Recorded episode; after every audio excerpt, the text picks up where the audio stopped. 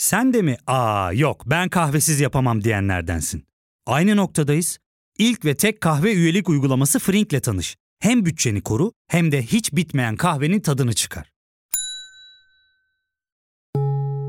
Yakınlarından terapinin onlara ne kadar iyi geldiğini dinlesen de kendin için bir şeylere başlamak zor geliyor olabilir. Ya da sevdiklerine yardım etmeye istekliyken kendi ihtiyaçlarını görebilmek. Hayvel, uzman psikologlarıyla kendi ihtiyaçlarını bulmanda sana destek olacak. Terapi yolculuğuna başlamak için detaylı bilgi bölümün açıklamalarında. Herkese merhaba. Bu kaydı 31 Ekim'de alıyoruz. Önceki bölümde, yani daha doğrusu önceki 3 bölümde Türkiye'de siyaset, mafya ve emniyet ilişkilerine odaklanmış, oradan yargıdaki çürümeyi ele almıştık. Amacımız gündemin yarattığı fırsatla Cumhuriyet kurumlarının ne hale geldiğini gözler önüne sermekti. Çünkü Cumhuriyet demek kurum demekti. Bu nedenle şu tespiti yapmıştık. Cumhuriyet 100 yaşında demek belki de doğru değildir. Belki de şöyle demek gerekir. Cumhuriyet yaşasaydı 100 yaşında olacaktı. İki gün önce Cumhuriyet'in 100. yılını kutladık. Cumhuriyet bir bayramdı ve bayramlar kutlanırdı. Halkımız da bu kutlama işinin hakkını verdi. Görkemli bir kalabalığa sahne oldu sokaklar. Madem bu bir bayramdı, hem de Atatürk'ün ifadesiyle en büyük bayramdı, o zaman coşkuyla kutlanmalıydı. Ama belki de ağzımız öyle alıştı diye kutladık diyoruz. Belki de kutlama demek yerine anma demek daha doğrudur. Çünkü her ne kadar kutlama desek de kutlamalara derin bir hüzün hakimdi. Evet coşkuluydu insanlar, neşeliydi ama bir yandan da buruktu. Bana kalırsa 100. yıl marşlarına da yansıyordu bu hüzünlü durum. Benim gördüğüm kadarıyla halkımızın en sevdiği marş Normander'in Parla adlı eseri oldu. YouTube'da da Tarkan'ın marşını geride bırakmış. Halkımız bir yandan coşkulu ama diğer yandan hüzünlü hissini belli ki iyi yakalamış marşın.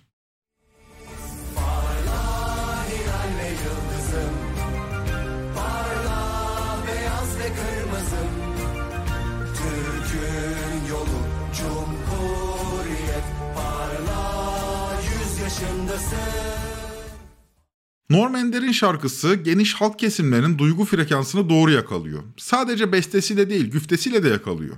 Gerçekten 100. yılındaki Cumhuriyet'in üzerine ölü toprağı serpilmiş gibi.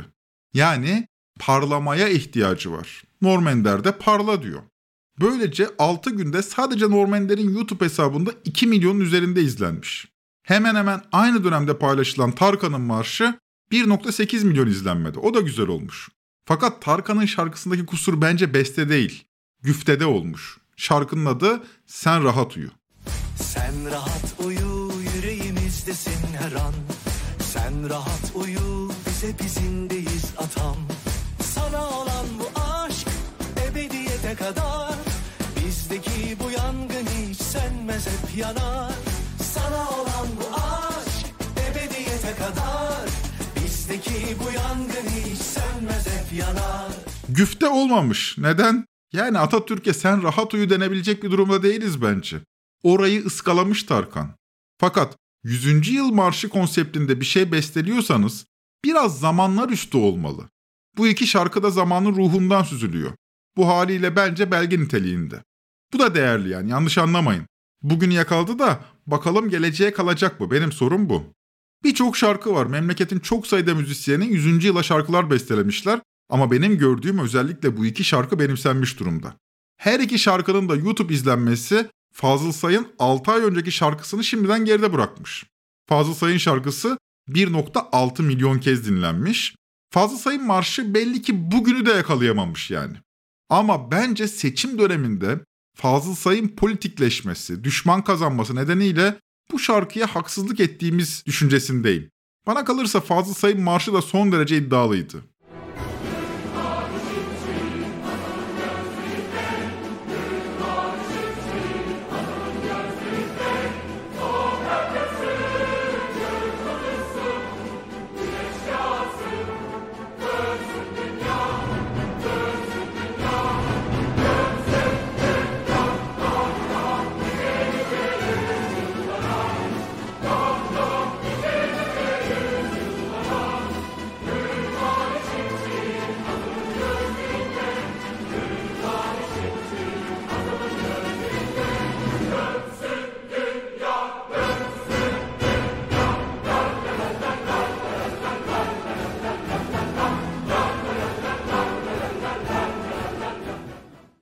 Seçim öncesi değil de sonrasında çıksa daha farklı olabilirdi belki.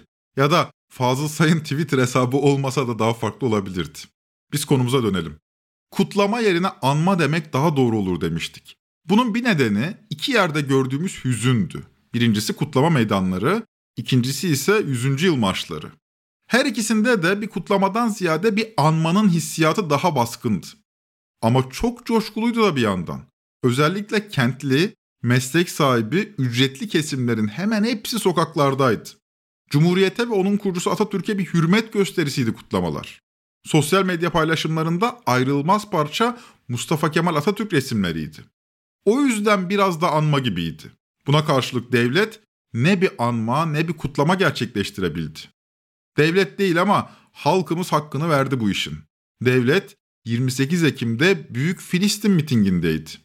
Erdoğan sahneye çıkmadan önce dinlediğimiz Kardan Aydınlık şarkısı Filistin cihadına selam gönderiyordu. İlk baharında Kanından çiçekler açar yanında. Vurulup ömrünün ilk baharında Kanından çiçekler açar yanında. Cümle şehitlerin omuzlarında Bir sabah gelecek kardan aydınlık. Cümle şehitlerin omuzlarında Bir sabah gelecek kardan aydınlık Gökten yağmur yağmur Aziz milletim. yağacak. Sevgili İstanbullular, İki ayrı Türkiye, bir yanda kardan aydınlık, diğer yanda 100. yıl marşları. Konu Filistin olunca Erdoğan bir tutarlılık krizine neden olmadan İslamcı çekirdek tabanı mutlu etmenin peşinde. 29 Ekim kutlamalarında da tasası buydu. Zira aynı İslamcı taban hem an itibariyle Filistin Savaşı nedeniyle Erdoğan'dan şüphe duyuyor hem de 100. yıl kutlamaları yaklaşıyor. Yıllardır Cumhuriyete Siyonist rejim demiş bir anlayış bu kısıtlar altında Cumhuriyeti de kutlayamıyor. E 100. yılda şapkadan bir tavşan çıkmayacak o halde 28 Ekim'de de bir şey yapmak gerekiyor. İşte böylece büyük bir miting yapılıyor. Bir Filistin mitingi. Mitinge ilişkin uzun konuşulur ama geçen haftaki grup toplantısından bu yana Cumhurbaşkanı Erdoğan'ın Hamas'a ilişkin ifadeleri sık tartışılıyor. Hamas'ın bir terör örgütü olmadığını, bir mücahitler grubu olduğunu söyledi Erdoğan. Mücahit yani Allah adına savaşan, cihat yapan kimseydi Hamas üyeleri. Açık ve net söylüyoruz dedi Erdoğan. Hamas terör örgütü değildir dedim ya.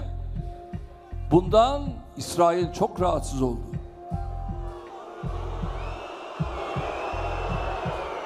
Zaten başka bir şey beklemiyorduk. Bunu söyleyeceğinizi biliyorduk. Ve bunu bildiğimiz için de açık ve net olarak ifade ettik. Biz de bu soruyu soracağız bu bölümde ve serin kanlı bir cevap vermeye çalışacağız. Bunun için önce terör kavramının tarihine bir yolculuk yapacağız ve sonra Hamas'ın terör örgütü olup olmadığını tartışacağız. Ben Ozan Gündoğdu, hazırsanız başlayalım.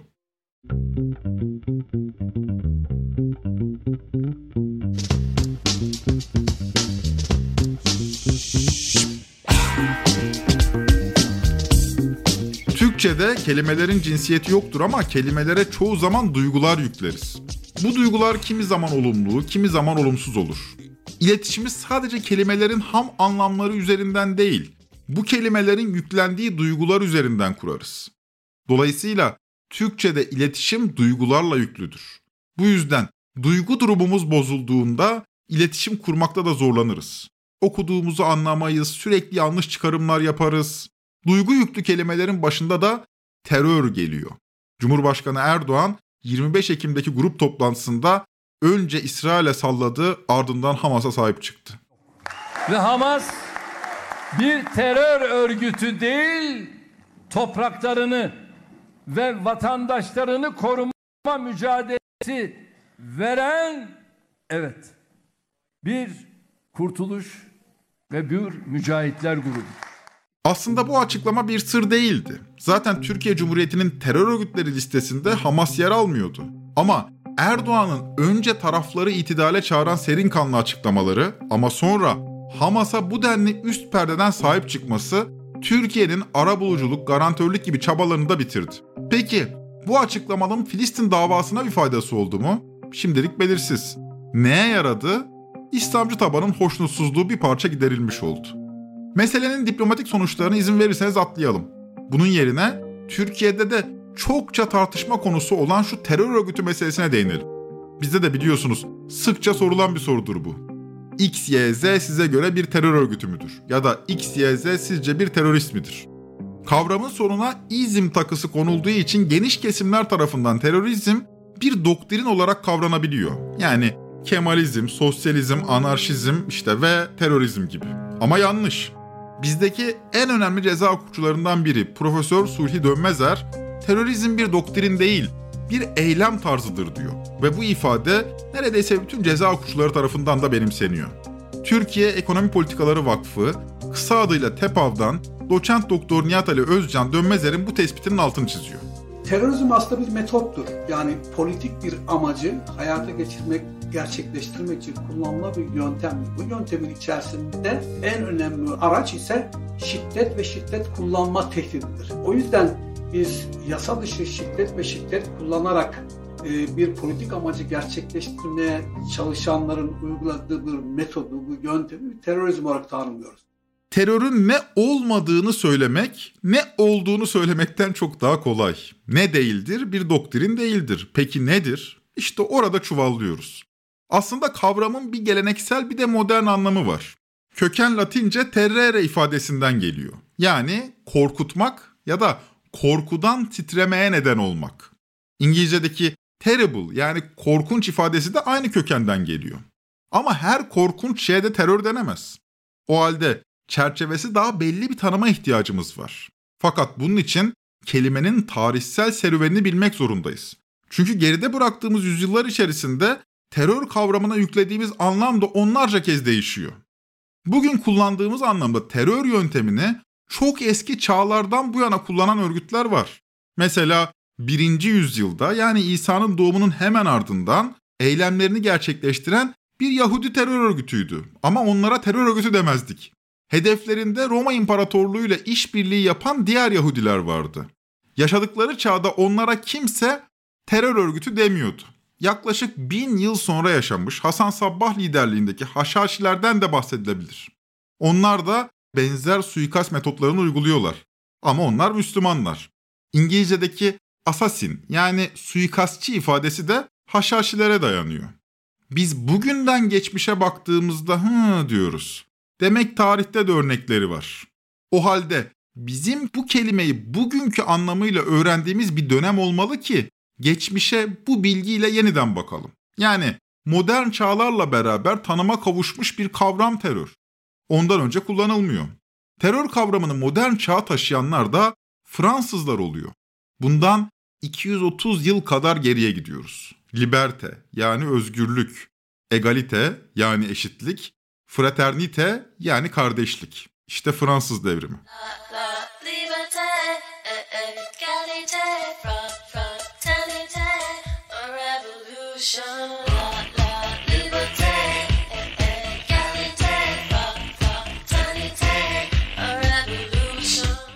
Fransız devrimi insanlığa eşitlik, özgürlük ve kardeşlik kavramlarıyla beraber terör kavramını da hediye etti. Ama Fransız Jacobenlerine sövmeden önce bir durun.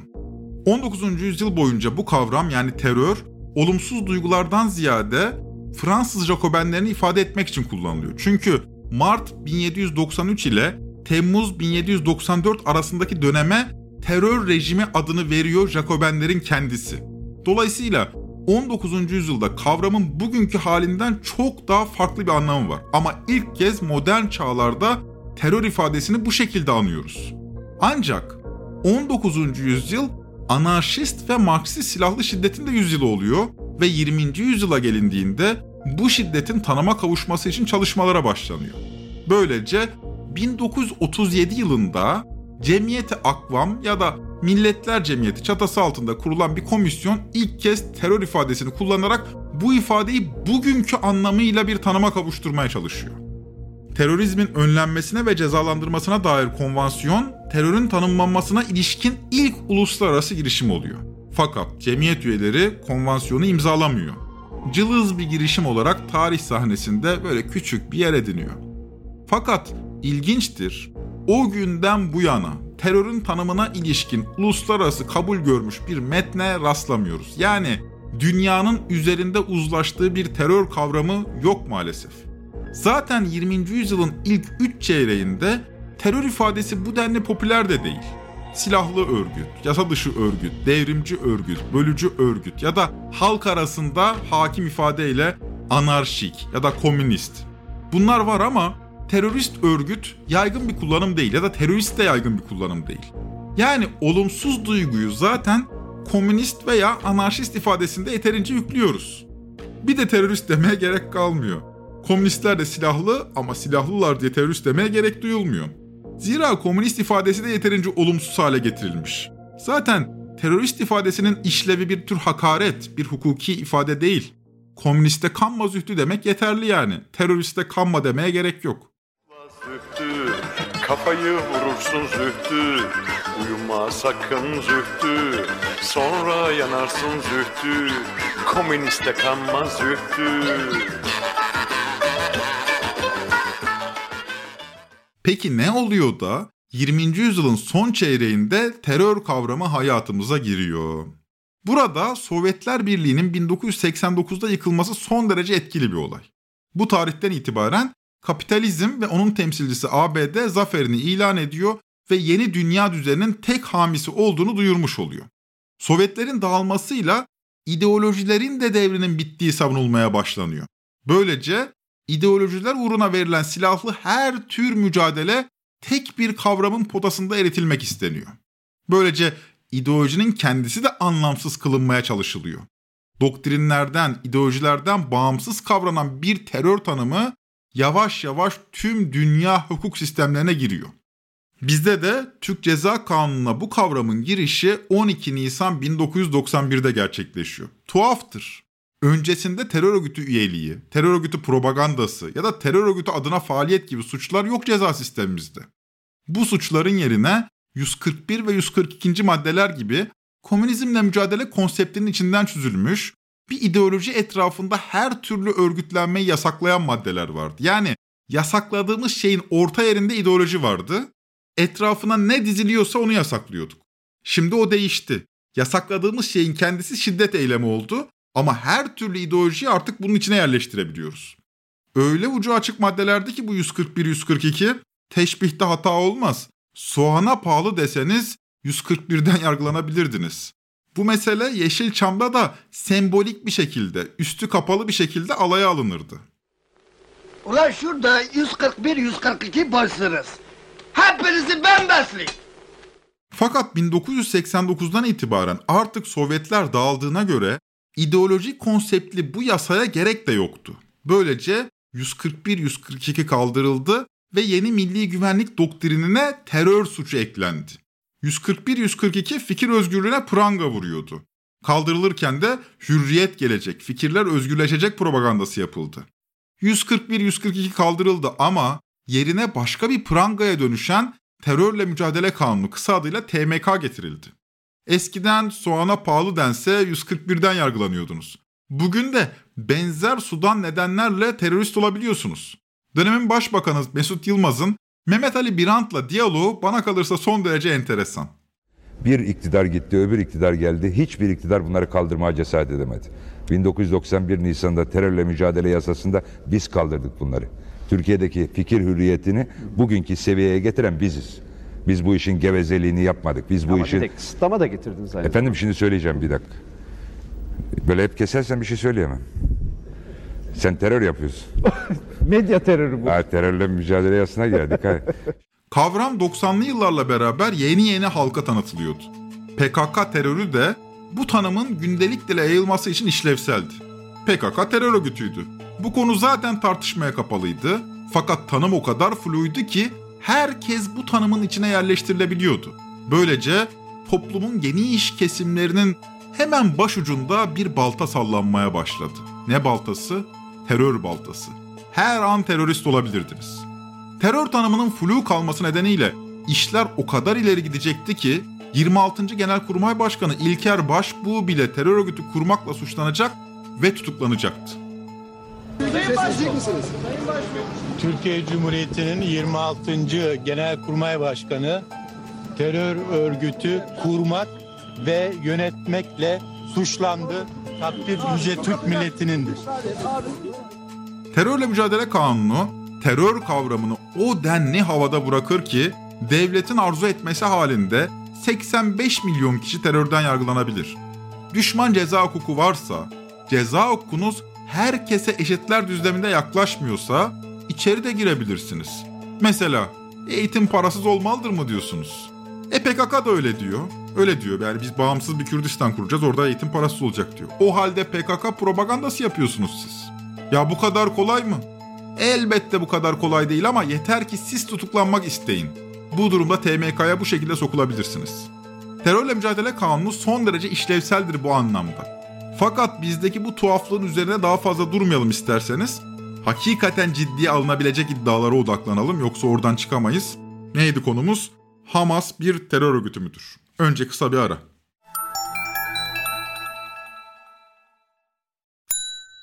Ya fark ettin mi? Biz en çok kahveye para harcıyoruz. Yok abi, bundan sonra günde bir. Aa, sen Frink kullanmıyor musun? Nasıl yani? Yani kahvenden kısmına gerek yok.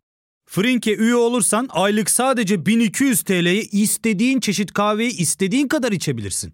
Günlük 40 TL'ye sınırsız kahve mi yani? Çok iyiymiş. Aynen. Hatta şu anda 200 TL'lik bir indirim kodu da var. E hadi hemen indirip üye ol da bu fırsatı kaçırma. Terapiye başlamak, içinden çıkamadığın döngüleri kırmak, bazı yanlış bulduğun kararlarını değiştirmek ve kendinle beraber daha huzurlu bir yaşam inşa etmek için atabileceğin en değerli adımlardan biri. Hayvel ile yoğun yaşam tempona uyum sağlayarak online terapi seanslarını takvimine göre ayarlayabilirsin. Bini aşkın uzmandan sana en uygun terapisti seçebilir, podb10 koduyla indirimden yararlanabilirsin. Detaylı bilgi açıklamalardaki bağlantıda. Filistin işgaline ilişkin önceki bölümlerde İsrail'in nasıl kurulduğunu ve Filistin direniş tarihini ele almıştık. O bölümleri de dinlemediyseniz eğer dinleyin ki bu bölüm daha bir doğru kavransın. O bölümlerde de söylediğimiz gibi 1950'li yıllardan 70'li yıllara dek Filistin direnişinde İslamcıların ciddi bir izi yoktu. Hatta yani ciddi bir izi yoktu diyerek küçümsemeyeyim hiç izi yoktu. Mısır lideri Arap milliyetçisi Cemal Abdülnasır Müslüman kardeşler yani ihvanın üzerine sert tedbirlerle gidiyordu o dönemde. Filistin davasında sahipleniyordu.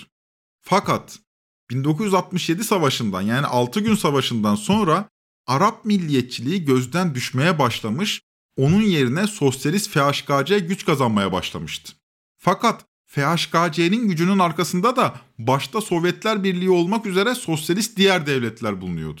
Buna karşılık komünizmle mücadele konsepti nedeniyle ABD tarafından İslamcı örgütler de Orta Doğu'da parlatılmaya çalışılıyordu.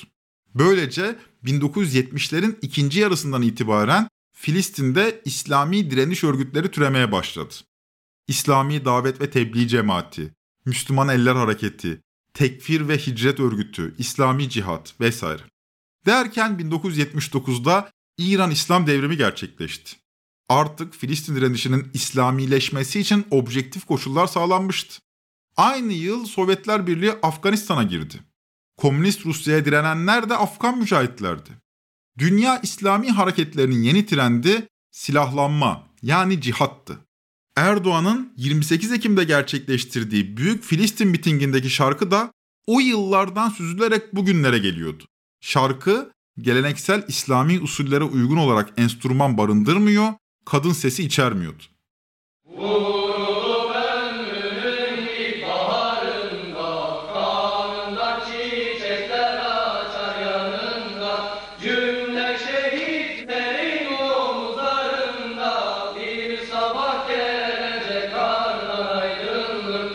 İran İslam devrimi ve Afganistan işgaline karşı cihatçı direniş, İslamcıların ümmet bilincini tetiklemiş, İslami camianın da Filistin'e ilgisini arttırmıştı. Aynı dönemde Filistin'e karşı İsrail'de direnişin İslamileşmesinin faydalı olduğunu umuyordu. Altını çizelim. İsrail de İslamizasyon projesine destek vermeye çalışıyordu. Çünkü ister Arafat'ın liderliğindeki El Fethi, ister Habaş liderliğindeki FHKC olsun, Filistin direnişinin iki hakim gücü de yani İsrail'in belalıları da seküler hareketlerdi. Böylece İsrail, Filistin direnişinin İslamileşmesi halinde direnişin ikiye bölüneceğini öngördü ve İslami hareketlerin oluşması için şartları uygun hale getirmeye başladı. Bu yıllarda Filistin direnişine katılan ve İsrail hapishanelerinde 7 yıl geçiren gazeteci Faik Bulut tanıklığını şöyle anlatıyor. 1967-80 arasında İsrail hükümeti İslam'ı yaşamak isteyenlerin toplumu pasifize eden yönlerini iyi değerlendirdi. Filistin toplumunu Hristiyan, Dürzi, Müslüman diye ayırdı. Ardından İsrail Radyosu'nun Arapça programlarında her sabah dini yayınlar yaptı. Kur'an okumayla başlayan programlar çeşitli dinsel münasebetlerdeki kutlamalara dönüştü. Kur'an'ın Yahudi-İslam uyumuna ilişkin ayetleri ön plana çıkarıldı. Arapça yayınlanan İsrail gazetelerinde din propagandası yapıldı. Arap milliyetçiliğine ilişkin tüm kitap, roman ve benzeri türden yayınların yasak olduğu bir dönemde İslam dini ve tarihine ilişkin kitapların yayımına kolaylıklar gösterildi. İslam görüşünü benimseyenlerin örgütlenmelerine, cemaatler kurmalarına göz yumulup izin verildi. 70'li yıllardaki İslamizasyon süreci İslamcı Filistinli gençlerin yurt dışına giderek İslami eğitim almalarına neden olunca o sorun da çözüldü. 1978'de Gazze'de İslam Üniversitesi açıldı. Böylece İslami hareket kendi içinde eğitimli, entelektüel kadro ihtiyacını da karşılayacaktı. 67-80 arasında Filistin halkının İslamizasyonu bizzat İsrail eliyle desteklendi. Arap milliyetçiliğinin gözden düşmesi de İslamizasyonu hızlandıran bir diğer gelişmeydi. Sadece cami sayılarını ele alalım mesela. 1967'de Gazze şeridindeki cami sayısı 200'dü. Hamas'ın kurulduğu 1987'ye gelindiğinde cami sayısı 600'e çıkmıştı. Benzer gelişme Batı Şeria bölgesinde de yaşanıyordu. 1967'de Batı Şeria'daki cami sayısı 400'dü. 20 yılda bu sayı 750'ye çıkacaktı. Camiler 70'li yıllarda henüz silahlı olmayan İslami yapıların propaganda merkezlerindendi. 1987'de kurulan Hamas da camileri örgütlenmek için kullanacaktı. Gazeteci Mithat Bereket'in 32. gün için hazırladığı belgeselde camilerden de bahsediliyor. Dini ön plana çıkaran Hamas tabii en çok camilerde etkinlik gösteriyor. Özellikle cuma namazlarından önce okunan hutbelerde camiye gelenler olan bitenden haberdar ediliyor. Hamas liderleri görüşmelerini de camilerde yapıyorlar. Gelen emirler de buralardan yayılıyor. Cuma namazları aynı zamanda bildirilerin dağıtıldığı ve örgüt hakkındaki her türlü yayının satıldığı yerler olarak kullanılıyor. Tabii cuma namazı için toplanan insanlar namazdan sonra da kolay kolay dağılmıyorlar. Her cuma namazından sonra Hamas'ın büyük bir gösterisi düzenleniyor. Böylece Hamas, İsraillilere ve muhaliflerine gözdağı veriyor. İslami hareketin Filistin'de yükselmesinin tek nedeni etkili propaganda da değildi. Körfez ülkelerinden gelen finansal kaynak Filistinli İslamcılar için bulunmaz nimetti. Çünkü aynı zamanda yoksul Filistin halkının sosyal yardım ihtiyacını da karşılıyordu bu İslamcı örgütler. Böylece Filistinliler İslamcılara giderek daha fazla sempati besliyordu. İsrail tarafından kuşatılan ve yoksulluğa mahkum edilen Filistinlilerin sosyal ve biyolojik ihtiyaçlarının Müslüman kardeşler üzerinden Körfez ülkeleri tarafından karşılanmasına da müsaade edildi. Böyle bir sosyal yardım ağı ne Arap milliyetçilerinde ne de sosyalistlerde vardı. Tüm bunlara da İsrail kol kanat gerdi. İsrail'in bu politikası ABD'nin Yeşil Kuşak projesine de uyumluydu. Fakat İsrail eliyle teşvik edilen İslamizasyon yakın zamanda yine İsrail'in başına çorap örecekti. Filistin direnişini bölmesi beklenen bu proje direnişçilerin radikalleşmesine de neden olacaktı. Üstelik İslamcıların artık İran ve Körfez ülkeleri gibi destekçileri de vardı. Böylece daha önce görülmemiş bir eylem biçimi İran'ın desteklediği Lübnan Hizbullah tarafından gerçekleştirildi. Tarih 11 Aralık 1982. Bu tarihte bir Hizbullah militanı bomba yüklü bir araçla İsrail karargahına girdi ve aracı patlattı. Eylem 141 İsrail askerinin ölmesiyle sonuçlandı. 11 Aralık 1982 tarihli bu eylem modern zamanların ilk intihar eylemi olarak biliniyor. Yaklaşık bir yıl sonra bu sefer Lübnan'daki ABD askeri üssüne yine Hizbullah tarafından bomba yüklü kamyonla saldırılmış ve saldırıda 296 ABD askeri ölmüştü. Bu eylem 11 Eylül 2001'e dek ABD'nin bir intihar saldırısındaki en büyük kaybı olarak kayıtlara geçti. Kayıp o kadar büyüktü ki ABD ertesi gün Lübnan'dan çekildi. Bu durum Hizbullah'ın bölgedeki itibarını da katladı. Terör bir yöntem olarak işe de yarıyordu. Böylece aynı yöntemi Hamas'ın silahlı kanadı El Kassam Tugayları da gelecekte benimseyecek. Üstelik sivil asker ayrımı yapmadan intihar bombacılarıyla İsrail ve Filistin'i kana bulayacaktı. Artık bu yolda ölenler Habibullah statüsündeydi. Yani Allah'ın dostu. La ilahe illallah! La!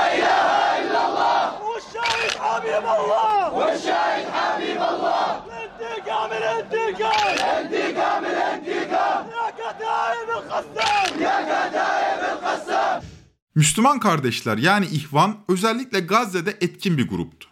Filistin İhvanı'nın lideri Şeyh Ahmet Yasin 1980'lerin başındaki bu gelişmeler karşısında silahlı cihadın vaktinin geldiğine hükmederek cihat için fetva verdi.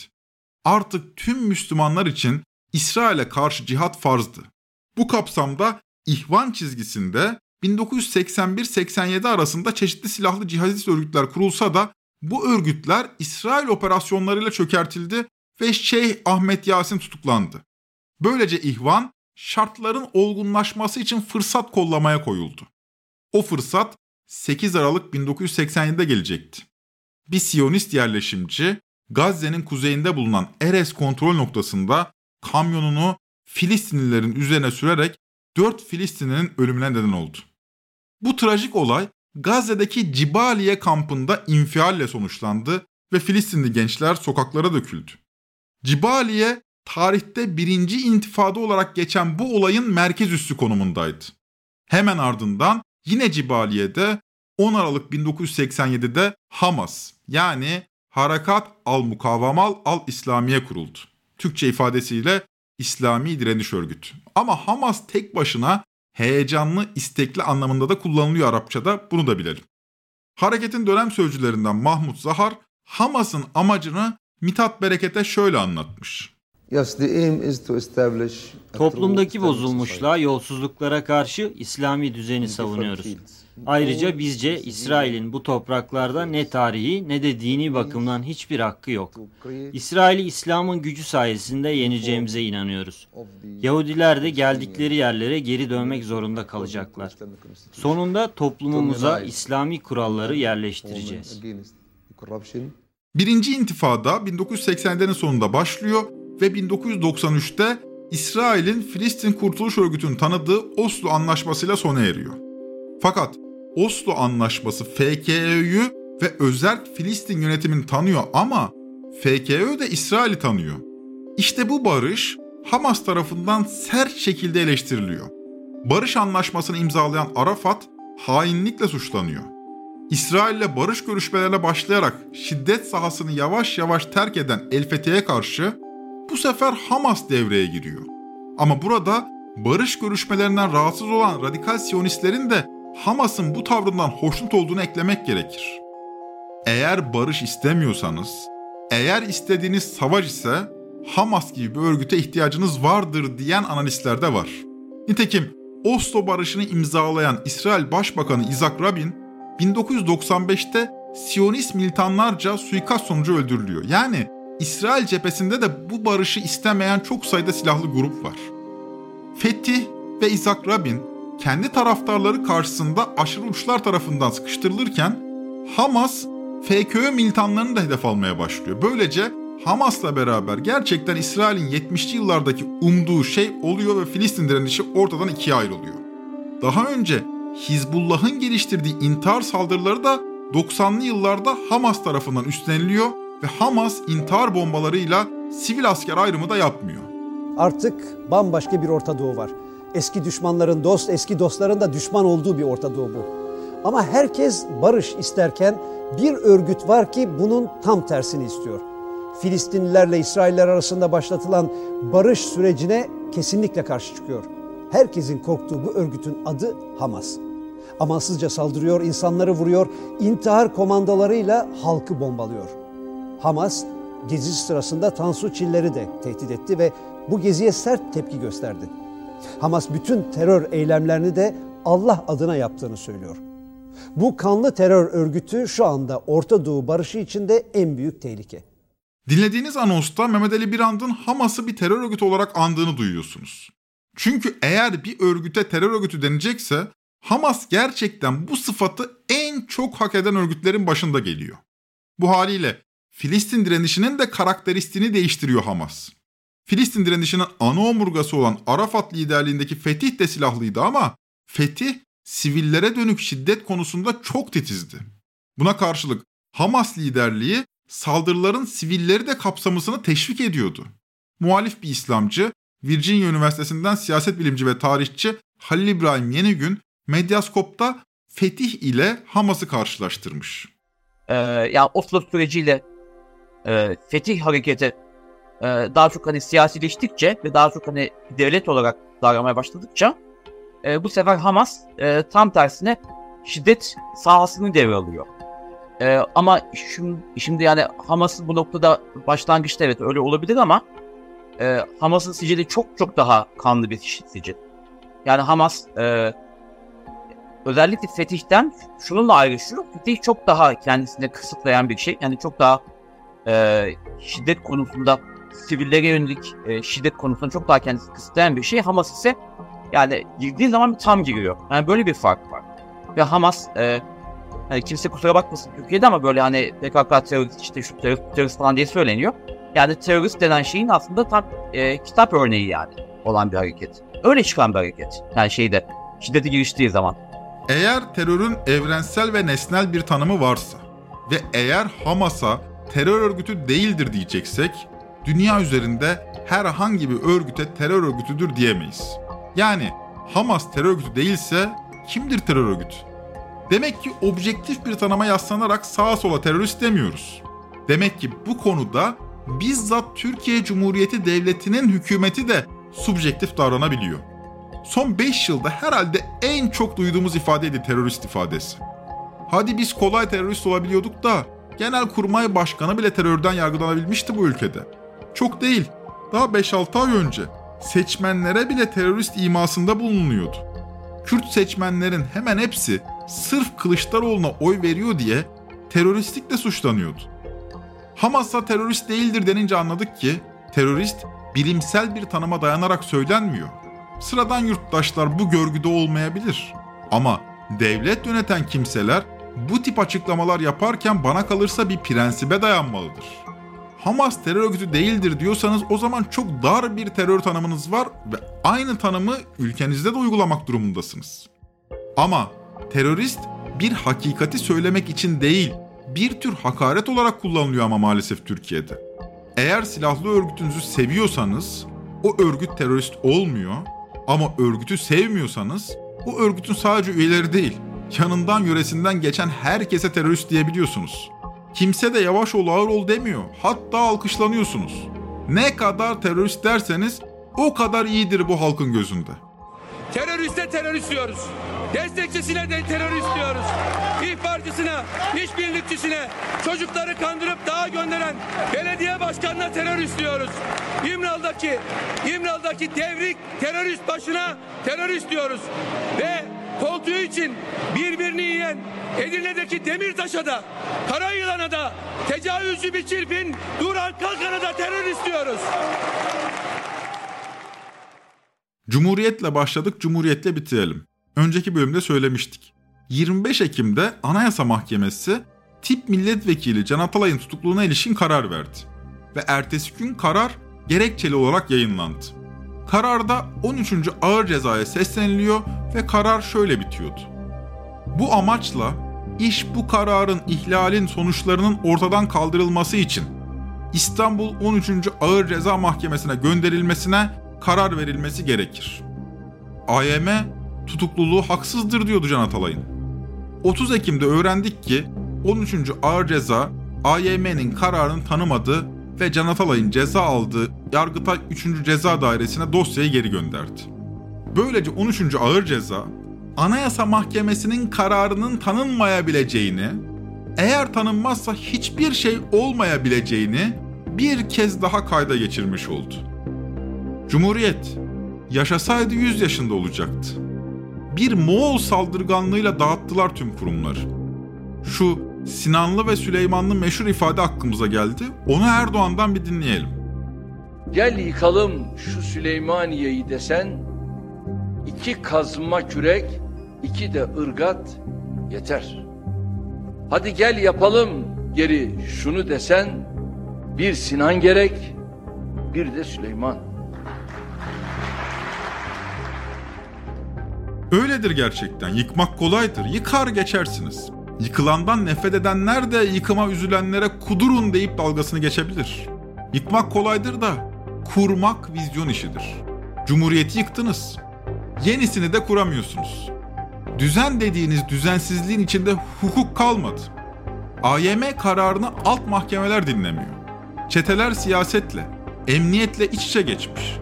Gece yarısı aklınıza esiyor, ertesi gün okulları tatil ettim diyorsunuz. Kafanıza esiyor, Hamas terör örgütü değildir diyorsunuz. Ayasofya'yı cami yapıyorsunuz, olmuyor şimdi turistlere paralıdır diyorsunuz. Yıkmayı iyi beceriyorsunuz da kurmak konusunda pek mahir değilsiniz. Bu cumhuriyet demokratik cumhuriyet mi? Laik cumhuriyet mi? İslami cumhuriyet mi? Hiçbiri değil. Bu cumhuriyet Araf'ta cumhuriyet. Ne cennet ne cehennem. Araf'ta kaldı cumhuriyet. Trend Topi'yi Podbi Medya ile beraber hazırlıyoruz.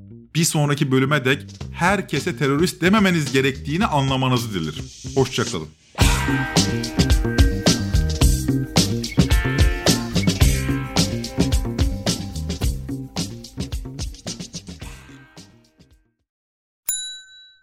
İlk ve tek kahve üyelik uygulaması Frink, 46 ildeki 500'den fazla noktada seni bekliyor. Açıklamadaki kodu girerek sana özel 200 TL'lik indirimden faydalanmayı unutma. Hadi sen de Frink üyeliğini başlat, kahven hiç bitmesin.